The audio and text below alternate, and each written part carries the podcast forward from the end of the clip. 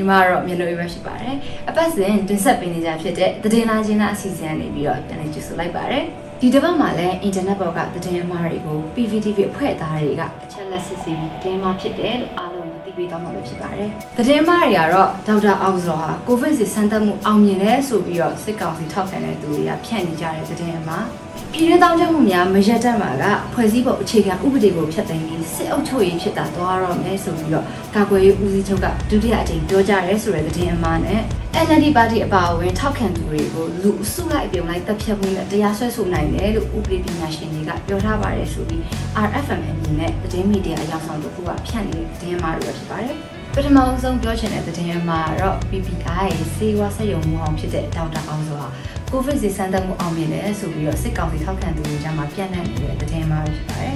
အဲ့ဒီသတင်းမှာ Facebook ပေါ်မှာပြန့်နှံ့ခဲ့တာဖြစ်ပြီးတော့အချက်လက်စစ်ဆေးကြည့်လိုက်တဲ့အခါမှာတော့ယုံကြည်စိတ်ချရတဲ့သတင်းအရင်းမြစ်တစ်ခုမှရှိနေပါဘူး။ကျင့်မှုရှိတဲ့သတင်းမီဒီယာဌာနတွေမှာလည်းအဲ့ဒါကိုဖော်ပြထားခြင်းမရှိပါဘူး။နောက်ပြီးကာယကံရှင်ဖြစ်တဲ့ဒေါက်တာအောင်စောရဲ့ Facebook မှာရေးသားထားတာကတော့ကာကွယ်စိတ်ထုတ်တာအောင်မြင်ပြီလားလို့မမေးပါနဲ့ဆောင်းရစေဖြစ်ပါတယ်ဆိုတဲ့ post ပဲရှိပါတယ်။ဟုတ်ပါတယ်သူပြောတာမှန်ပါတယ်။ကိုဗစ်ကာကွယ်ဆေးကတော့အောင်မြင်အောင်မထုတ်နိုင်သေးပါဘူး။ အောင်မြင်သွားတာဆိုလို့ရန်ကုန်မြို့မှာလူ3000လောက်ကိုတရက်တည်းတကြိုလို့ရမယ်မီးတကြိုဆက်ကြီးတီထောင်တော့မယ်ဆိုတာပါပဲ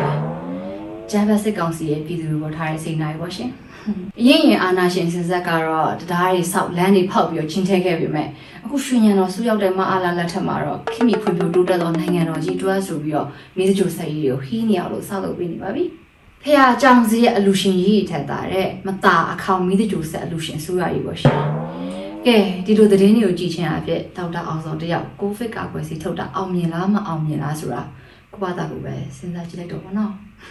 နောက်ထပ်ပြောပြပေးမယ့်သတင်းမှာတော့ပြည်တွင်းတောင်းချမှုများမရက်တန့်ပါကဖွဲ့စည်းပုံအခြေခံဥပဒေကိုဖျက်သိမ်းပြီးစစ်အုပ်ချုပ်ရေးဖြစ်တာသွားရတော့မည်ဖြစ်ကြောင်းကာကွယ်ရေးဦးစီးချုပ်မအားလာက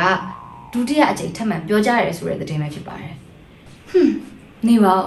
ပြည်တွင်းတောင်းချမှုရောရက်ွက်တွင်တောင်းချမှုရောရက်တန့်မှာသူတို့စစ်တပ်ကမဟုတ်ဘူးလား ရက်ွက်တွေကဟိုးပလာတာကနေအောက်ဆီဂျင်ထိတူတာဆိုလို့သူတို့စစ်တပ်ပဲရှိတာအားလုံးလည်းအသိပဲလေ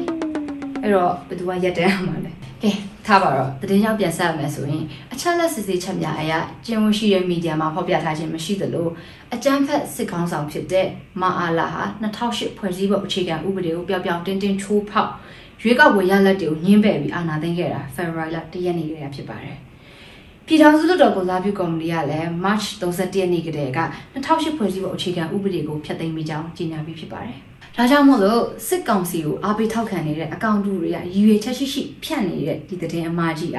ဒီမိုကရေစီရေးလှုပ်ရှားသူတွေနဲ့ပြည်သူလူထုကိုတစ်ဖက်လဲနဲ့ချင်းချောက်နေရဲဆိုတဲ့သတင်းအမှားတတ်တာဖြစ်ပါတယ်။ နောက်ဆုံးပြပြပေးမယ့်သတင်းမှာတော့ NLD ပါတီအပါအဝင်ထောက်ခံသူတွေကိုလူအစုလိုက်အပြုံလိုက်တပ်ဖြတ်မှုနဲ့တရားစွဲဆိုနိုင်တယ်လို့ဥပဒေပညာရှင်တွေကပြောကြားထားပါတယ်ဆိုပြီးတော့ဘောင်မွေနဲ့ RFM အမည်နဲ့သတင်းမီဒီယာအရောက်ဆောင်တစ်ခုကဖြန့်နေတဲ့သတင်းမှာပဲဖြစ်ပါတယ်။အဲ့ဒီသတင်းကိုလည်းစစ်ကောင်စီထောက်ခံအားပေးတဲ့သူတွေက Facebook မှာဖြန့်နေကြတာပဲဖြစ်ပါတယ်။ RFM လို့သူတို့ကိုသူတို့အမည်ပေးထားတဲ့သတင်းမီဒီယာအရောက်ဆောင်အဖွဲ့က 2020ရွေးကောက်ပွဲမတိုင်မီကတည်းက NLD အစိုးရနဲ့ဒီမိုကရေစီဘက်တော်သားတွေကိုသတင်းအတုသတင်းအမှားတွေနဲ့ဝေဖန်တိုက်ခိုက်ခဲ့တဲ့အဖွဲ့ပဲဖြစ်ပါတယ်။လက်ရှိမှာဆိုလို့ရှင်လည်းစစ်အာဏာရှင်တော်လှန်ရေးကိုပုံဖြတ်တဲ့သတင်းအတုသတင်းအမှားတွေကိုသာဆက်ပြီးတော့ဖြန့်ဝေနေစေဖြစ်ပါတယ်။လက်ရှိဖြန့်ဝေထားတဲ့သတင်းမှားထဲမှာဆိုရင် NLD ပါတီနဲ့ပါတီဝင်တွေဟာနိုင်ငံရေးအာဏာရလိုမှုတစ်ခုတည်းနဲ့အပြစ်မဲ့ပြည်သူများအားတပ်ဖြတ်ခြင်းအပါအဝင်လူနာများအားအစုလိုက်ပြုံလိုက်သေးစေရန်နှီးမျိုးစုံလောက်ကင်ခဲ့တဲ့အတွက် လူအစုလိုက်အပြုံလိုက်သေးစေမှုနဲ့တရားစွဲဆိုနိုင်တယ်လို့ပြည်တွင်းပြည်ပဥပဒေပညာရှင်တွေကပြောကြားထားတယ်ဆိုပြီးတော့သတင်းအတူပြုလုပ်ပြီးတော့ပုံဖြတ်နေတာပဲဖြစ်ပါတယ်။ဒါပေမဲ့အချက်လက်တွေစစ်ဆေးလိုက်တဲ့အခါမှာတော့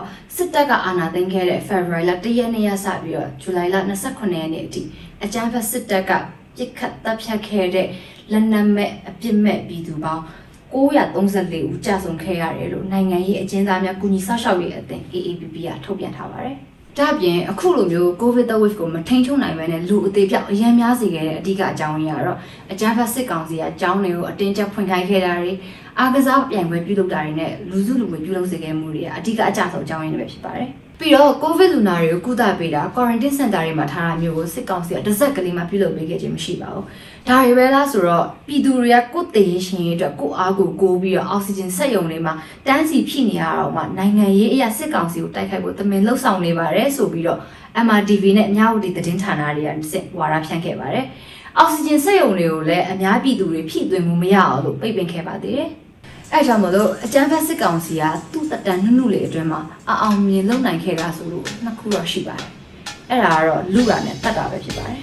စစ်ကောင်စီကသူတို့ရဲ့လုပ်ရက်တွေကိုဖုံးကွယ်ခြင်းတဲ့အတွက်ကြောင့်မလို့အခုလိုမျိုး NLD ပါတီနဲ့ပါတီဝင်တွေကိုအဖြစ်ပုံချပြီးတော့သတင်းမားတွေကိုရည်ရွယ်ချက်ရှိရှိနဲ့ဖြန့်နေရပဲဖြစ်ပါတယ်ကဲဒီတစ်ပတ်အတွက်သတင်းလာချင်းလာအစီအစဉ်ကတော့ဒီမှာပဲပြီးဆုံးပါပြီရှင်နောက်တစ်ပတ်မှာလည်းဘယ်ဟာသတင်းဘယ်ဟာဂျင်းလဲဆိုတာကိုသိရဖို့အတွက်ဆောင်ပြီးတော့ရှုပေးကြပါဦးနော် ကြည့်ရှုနေကြတဲ့မိဘတွေကိုတော့အဲဘေးရန်တွေပြင်ရှင်းပြီးတော့ကိုဗစ်ကပ်ရောဂါဆိုရင်အများဆုံးကြော်လွှားနိုင်ကြပါစေလို့ညီမလေးတွေဆုတောင်းပေးလိုက်ပါတယ်